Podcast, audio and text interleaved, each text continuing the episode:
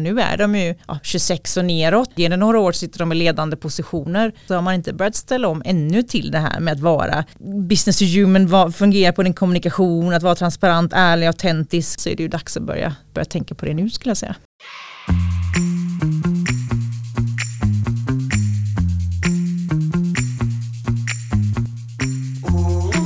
Business to consumer, business to business, det är termer du garanterat har hört och pratat om och förmodligen pratar om än idag. Och det är ju termer som ramar in företaget och framförallt företagets målgrupp.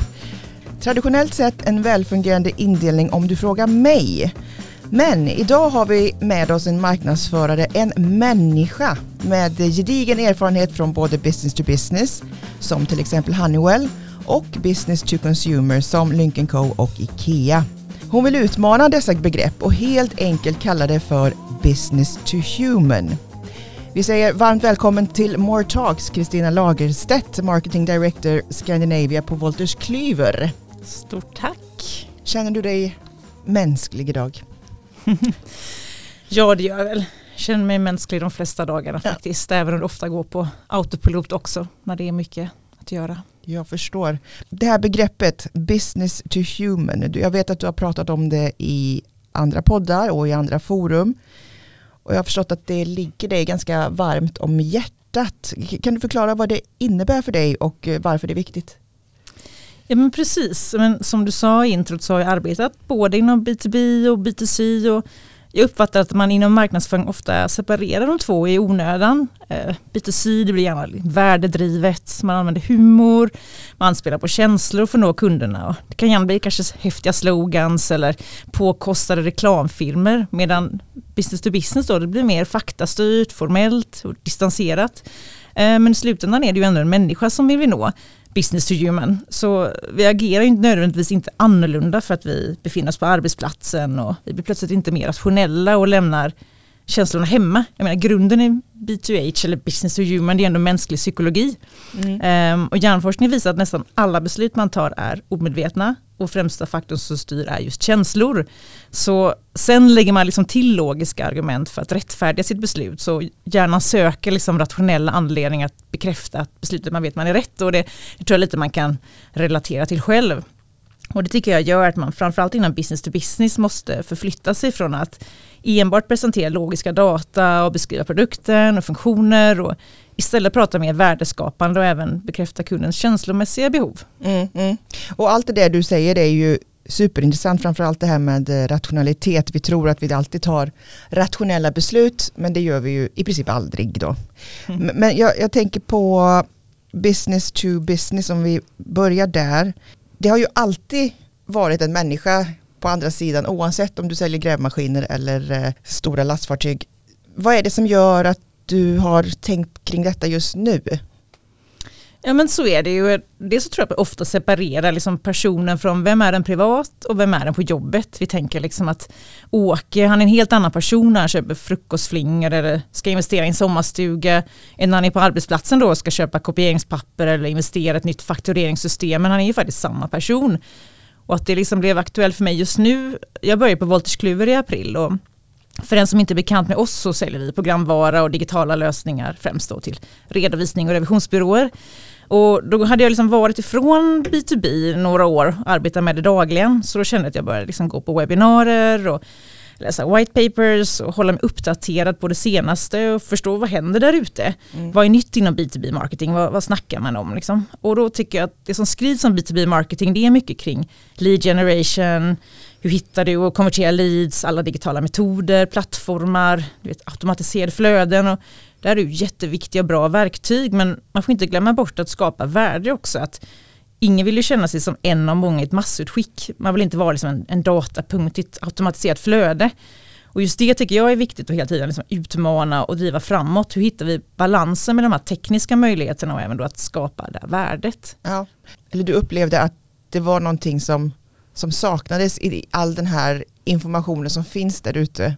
om business to business marknadsföring? Man börjar ju tycker jag fortfarande, eller mer och mer prata om business to human och prata mer som varumärke och värdeskapande även inom business to business ska jag säga. Men jag tycker fortfarande att det är kanske där det landar när du liksom googlar B2B marketing eller liknande. Det är gärna de här automatiseringen och liksom lead generation. Man pratar inte lika mycket om, om de andra bitarna som man kanske gör inom business to consumer. Är det några andra trender som du ser?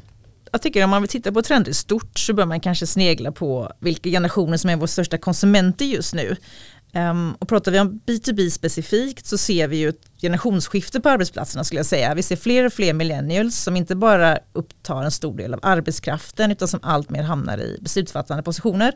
De är ju liksom 30, tidiga 40. Um, ehm, och vad som skiljer dem från sin tidiga generation, generation X då, är att de är dels mer digitala än sina föregångare konsumerar kanske mer liksom, digital content, de är mer aktiva i sociala kanaler och har också andra värderingar.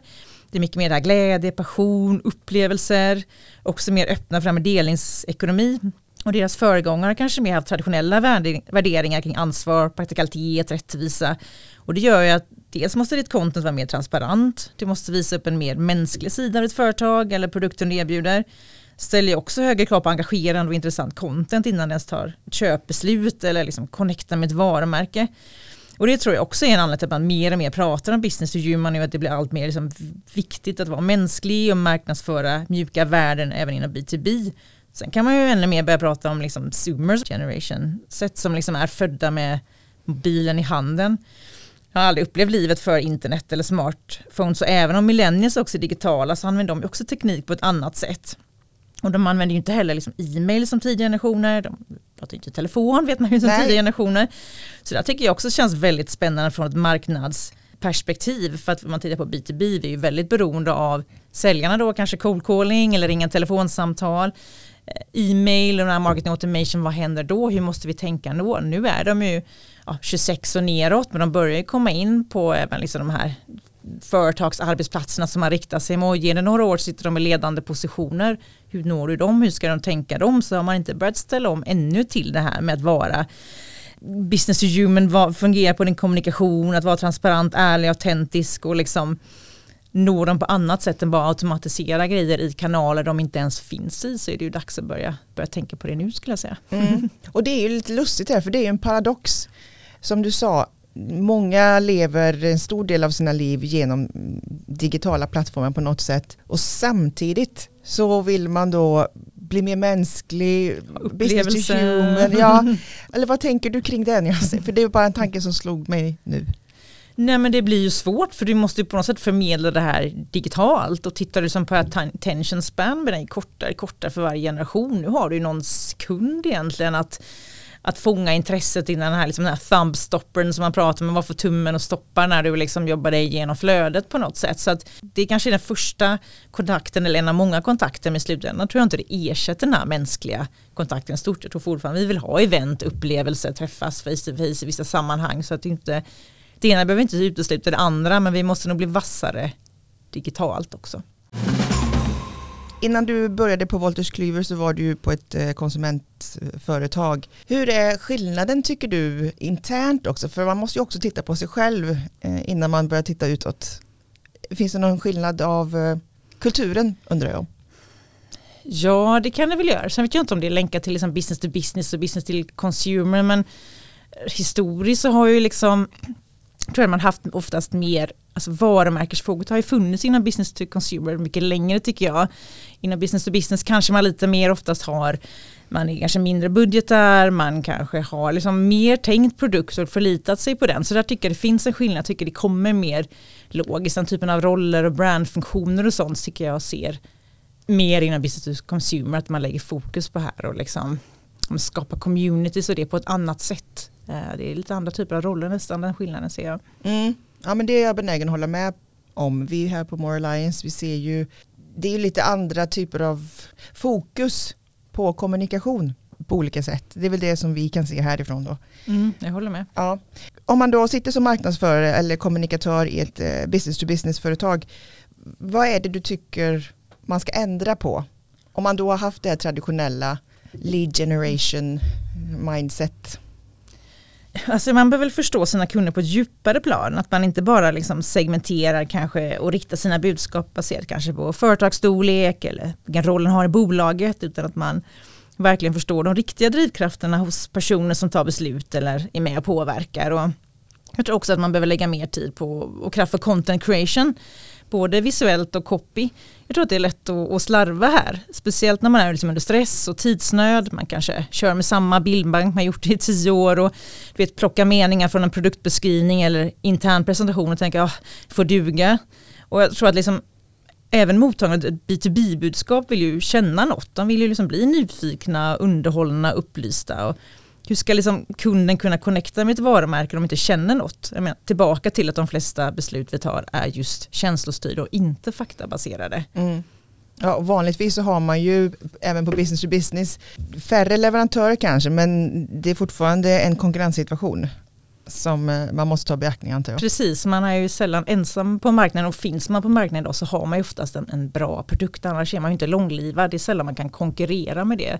Tycker jag oftast kan det vara, du är sällan unik och den enda som har det här det kan vara så små skillnader som är mellan produkterna. Mm. Men om vi låtsas då att eh, den här marknadsföraren, kommunikatören, copywritern eh, sitter på kontoret men nu ska jag inte, nu ska jag inte låta fördomsfull men ponera att den funktionen är nedprioriterad. Har du några tips på hur ledningen i ett sådant bolag ska förstå vikten av lite förändrad kommunikation kanske? Alltså dels kanske man måste liksom läsa på kanske själv och göra någon dragning om kring det här med konsumentbeteende kanske eller kring eh, allmänt liksom, hjärnans funktioner eller man ska säga hur fungerar faktiskt konsumenter tror jag. För jag tror att man kan relatera mycket tillbaka till sig själv och förstå. Sen så är mycket datadrivet idag. Du kan göra AB-testningar, testa liksom, titta vad konkurrenterna gör tror jag att visa kanske visa vad som finns där ute eller hur andra gör och ibland tror jag som jag brukar ofta säga liksom, till mina team ibland som har kämpat med det där, det är ingen som lyssnar eller sådär att gör istället för att prata om det eller visa istället. Jag tror det är enklare att göra och visa vad blir det av det. Då kanske de vill se mer eller liksom börja med en liten pilot liksom och jämföra mm. skillnaden. Jag tycker oftast jag ser att man har den typen av content eller går mot den typen av budskap så ser jag också mer engagemang i både teamet och organisationen tycker jag. Att folk tycker det är kul, de hänger med. Men vad kul att den gör något annorlunda. Man känner sig nästan mer connectad till sitt egna varumärke. Upplever jag när det blir mer också liksom tilltalande. Liksom, att man inte bara sitter och rabblar kanske produktfördelar eller så. Jag tycker ofta att det skapar ett engagemang så börja smått kanske. Mm, och visa mm. istället för att försöka liksom, övertala. Mm. En gemensam bekant till oss sa ju It's not cool to say that you're cool. Precis, exakt. Du kan inte gå runt och säga att du är cool, du måste bara vara det så att andra fattar att du är cool. Precis. Men du nämnde ett begrepp där, AB-analys. Mm. Kan du förklara vad det är så att alla förstår?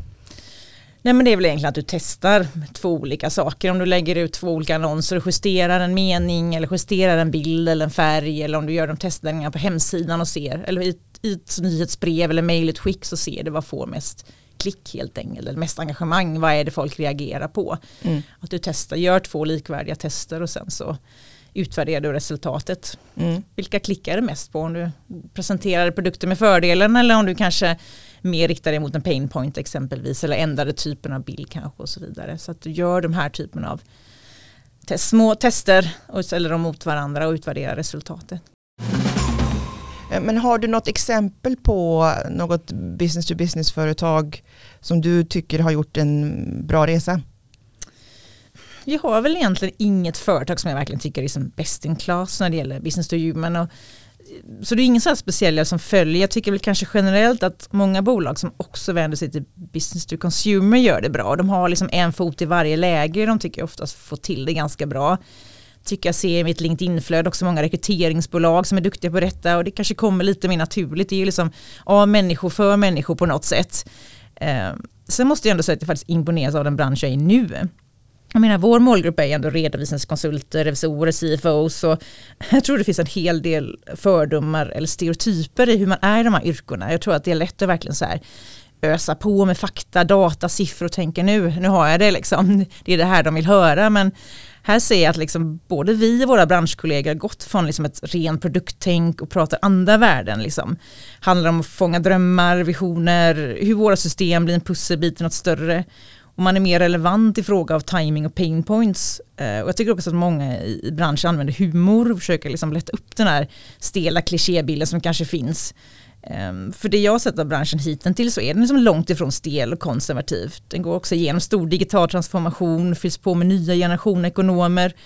Och då gäller det ju att du som marknadsförare också hänger med i detta och inte fortsätter skapa marknadsföring till liksom en gammal bild av målgruppen utan hela tiden fortsätter utmana den. Ja, precis. Har du något exempel från eh, Wolters Kluwer av någonting som verkligen fungerar riktigt bra? någonting som de är här och nu. Ett problem som ni vet händer här och nu. För en, kanske en redovisningskonsult så är det väldigt mycket på schemat. Vad händer just nu? Vad är timing just nu? Du vill verkligen träffa rätt timing. Det här är top of mind hos dem just nu. Ja, årsbokslut. Och, exakt, ja. den här typen av grejer. Och du fångar den här kanske lilla painpointen som de tycker är liksom Yes, vi har ju redovisningskonsultens dag exempelvis som vi uppmärksammar oftast, eller alla i branschen uppmärksammar och lite ge dem lite extra kärlek under den dagen och hylla dem. Det är också sånt som funkar, tycker mm. jag, gör dem glada och stolta i sitt yrke. Då har de också oftast kommit ut ur en väldigt tuff period och kan andas ut lite. Ja, som tilltalar människan där bakom. Ja, men vad tänker de på just nu? Liksom? Mitt intryck av dig Kristina, det är ju när vi har suttit och pratat, du, är, du tänker väldigt mycket digitalt. Och så. Hur viktigt tycker du att det är för ett, säg ett ganska traditionellt business to business företag att vara medvetna om allt det här? Jag skulle säga att det är superviktigt, du är nog inte med i, liksom, i matchen annars. Det här är inte liksom förr i tiden när man slängde upp en, en banner på stan och hoppas att någon ser det. Du har ju all information i datan, det är där du vet om du gör rätt. Det är där du kan ju precis se hur dina kunder agerar, vad klickar de på, vad gillar de. Du kan liksom veta vad som vi pratade om innan, AB-testning. Vad, är, eh, vad funkar, vad funkar inte? Som du inte börjat kika på data så är det dags att börja kika på det. Vi har ju också många, många kunder här på More som eh, riktar sig till konsumenten då. Och då riktar man ju sig redan till människan. Hur ska man tänka där då utifrån ett business human perspektiv? Jag tänker egentligen på samma sätt, att du går tillbaka till de grundläggande behoven och, och konsumentbeteende.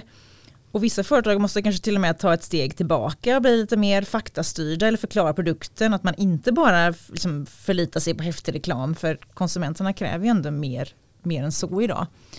Så det är väl egentligen liksom samma princip mm. skulle jag vilja säga. Och fortsätta gå mot värderingsstyrd kommunikation eller vad tänker du?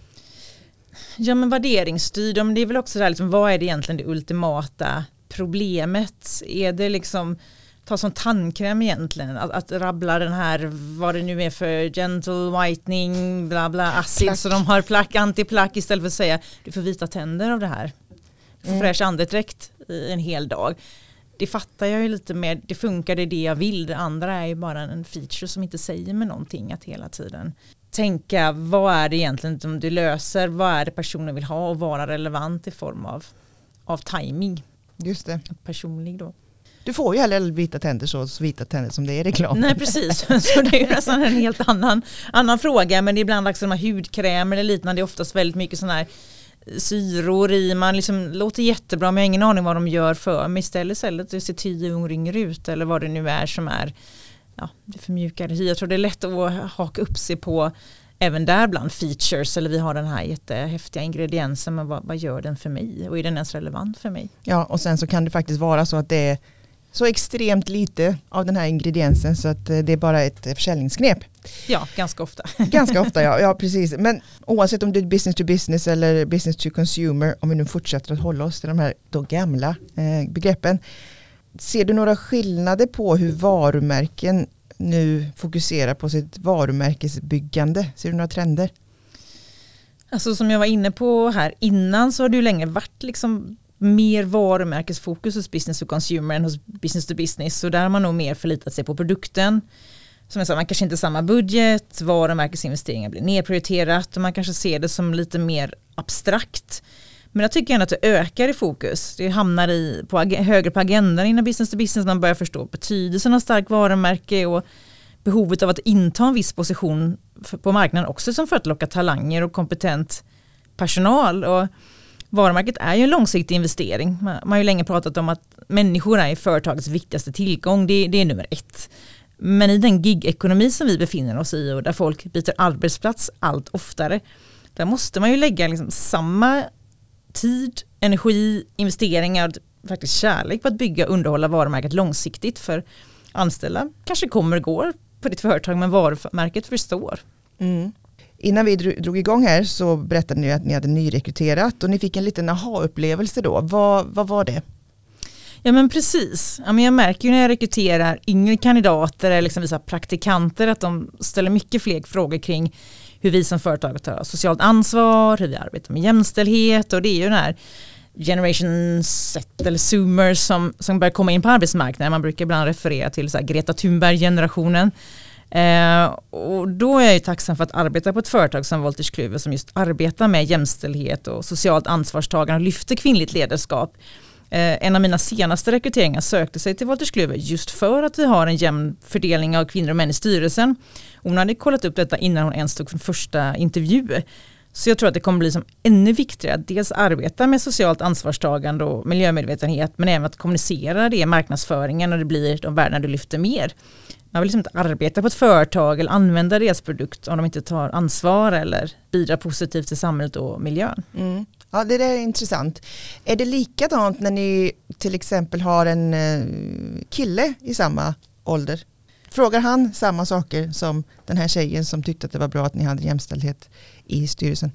Jag tycker ändå man undrar lika mycket om företaget och tar ansvar. Sen kanske nödvändigtvis inte att man frågar lika mycket om kvinnliga, kvinnligt ledarskap eller kvinnor i styrelsen. Men jag tycker man har en annan, samma typ av förväntan av att det, man tar ansvar som företag. Och, den, jag tycker det överlag är vad man kan se i den nya det skillnad. Det kom lite grann redan med millennials skulle jag vilja säga. Att man fick ett annat liksom miljötänk och, och hur man bryr sig om ah, socialt ansvarstagande men framförallt eh, i de som kommer in på arbetsmarknaden nu skulle jag säga. Mm. Bara lite sidospår här nu för då kommer vi mm. lite in på hållbarhet och nästan alla företag pratar idag om någon slags eh, hållbarhet. Hur pratar ni om det på Wolters Kluwer till exempel? För det ska fortfarande kännas giltigt, på riktigt, ja, ge någon slags effekt eller spegla det man gör. Ja men det är helt rätt, man vill ju inte hamna i ett fack där man, det känns som att man håller på med greenwashing eller det måste ju vara genuint. Um, och där tror jag att det är väl att dels måste ju genuint arbeta med det på något sätt att det är en viktig fråga i företaget. Det är alltid svårt tycker jag, jag tycker också säger precis en balansgång för att vågar ju inte riktigt gå ut och, går ut och slå dig på bröstet och titta, titta vad fantastiska vi är så kommer det alltid någon som kommer och kunna peka på någonting du inte är bra på för ingen är ju helt optimal. Det finns ju alltid någon som du säger det är inte en lika fördelning kvinnor och män eller det är inte så diverse som det borde eller du har en produkt som kanske inte är optimal för miljön. Det kan vara, så det är väldigt svårt tycker jag att hitta den här balansen att vi kan lyfta det vi gör bra men jag vill inte heller lyfta att vi är på något sätt bäst i hela världen. Titta på oss för då är det alltid någon som kan komma in och börja granska en och undra hitta något som de inte gillar eller tycker man kan bli bättre på. Mm. Det är väldigt, väldigt få företag som är bäst i klassen på allt. Nej. Och inte ens som människa då, om vi nu ska ta business to human. det är, finns ju väldigt mycket saker man kan eh, bli bättre på. Men då gäller väl också transparens antar jag. Absolut, och det tror jag också är en av sakerna som blev viktigare med de generationerna som kommer i transparens, att du är ärlig. Säg inte att du gör något om du inte, om du inte gör det. Det är väl hellre mm. så fall vara transparent med vad man jobbar med i så fall. Ja, mycket bra, mycket bra insikter. Om du ska ge dina tre bästa tips då för en kommunikatör eller marknadsförare för att ja, få kunder eller ledningen att skifta till ett eh, business to human perspektiv?